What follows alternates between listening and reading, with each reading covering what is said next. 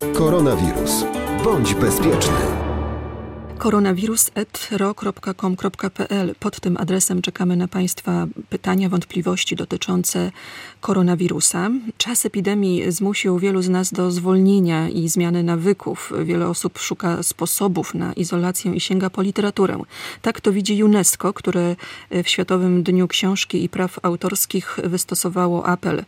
Bardziej niż kiedykolwiek w czasach, gdy większość szkół na całym świecie jest zamknięta, a ludzie pozostają zamknięci w domach, moc y, książek powinna być wykorzystywana do walki z izolacją, wzmacniania więzi między ludźmi, poszerzania horyzontów, stymulowania naszych umysłów i kreatywności. Koniec cytatu.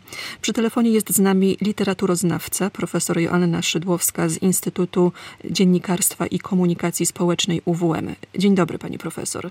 Dzień dobry, witam serdecznie. Czy czytanie jest y, teraz, w czasie epidemii, ważniejsze niż kiedykolwiek? Jest tak samo ważne, ale niewątpliwie to, co oferuje nam literatura, może być dzisiaj e, pewnym pomysłem na poradzenie sobie z kryzysem takim mentalnym, psychicznym.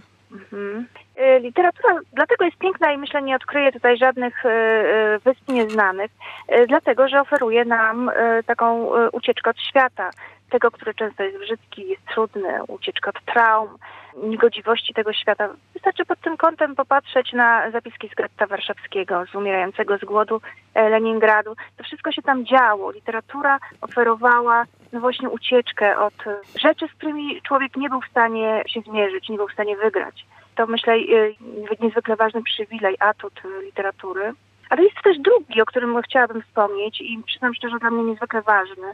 To jest ta literatura, która nie oferuje nam iluzorycznych światów, pięknych i, i takiej ułudy, e, śliczności świata, ale referuje nam ten świat w daleko bardziej poważny sposób, często trudny sposób.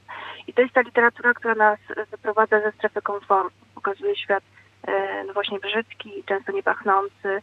I ta literatura tworzy w nas pewną taką gotowość mentalną do zmierzenia się z problemami tego świata. I myślę, że ten aspekt dzisiaj literatury jest niezwykle e, istotny, bo mm, pokazuje nam, że świat jest kruchy, że podstawy, które wydawałoby się e, są opoką naszego bytu na świecie, naszej postawy humanistycznej, są niezwykle kruche i mogą zostać no, nad, nadwyrężone. Mówię o tym na marginesie moich ostatnich takich literackich peregrinacji, które dotyczyły kryzysu y, migracyjnego. No i właśnie, to jest bardzo bliskie też y, naszej rzeczywistości. Proszę zobaczyć, że wydawało nam się, że migracje będą stałym takim elementem naszej kondycji intelektualnej w XXI wieku. Tymczasem jesteśmy zamknięci i możemy podróżować tylko w wyobraźni albo tylko właśnie poprzez literaturę faktu, czyli przez realne, autentyczne opowieści. Wiele osób wróciło albo po raz pierwszy przeczytało Dżumę Kami. Czy to jest dobra lektura w czasie epidemii? Ja myślę, że to jest lektura dobra na każdą chwilę. Na czas epidemii bardzo,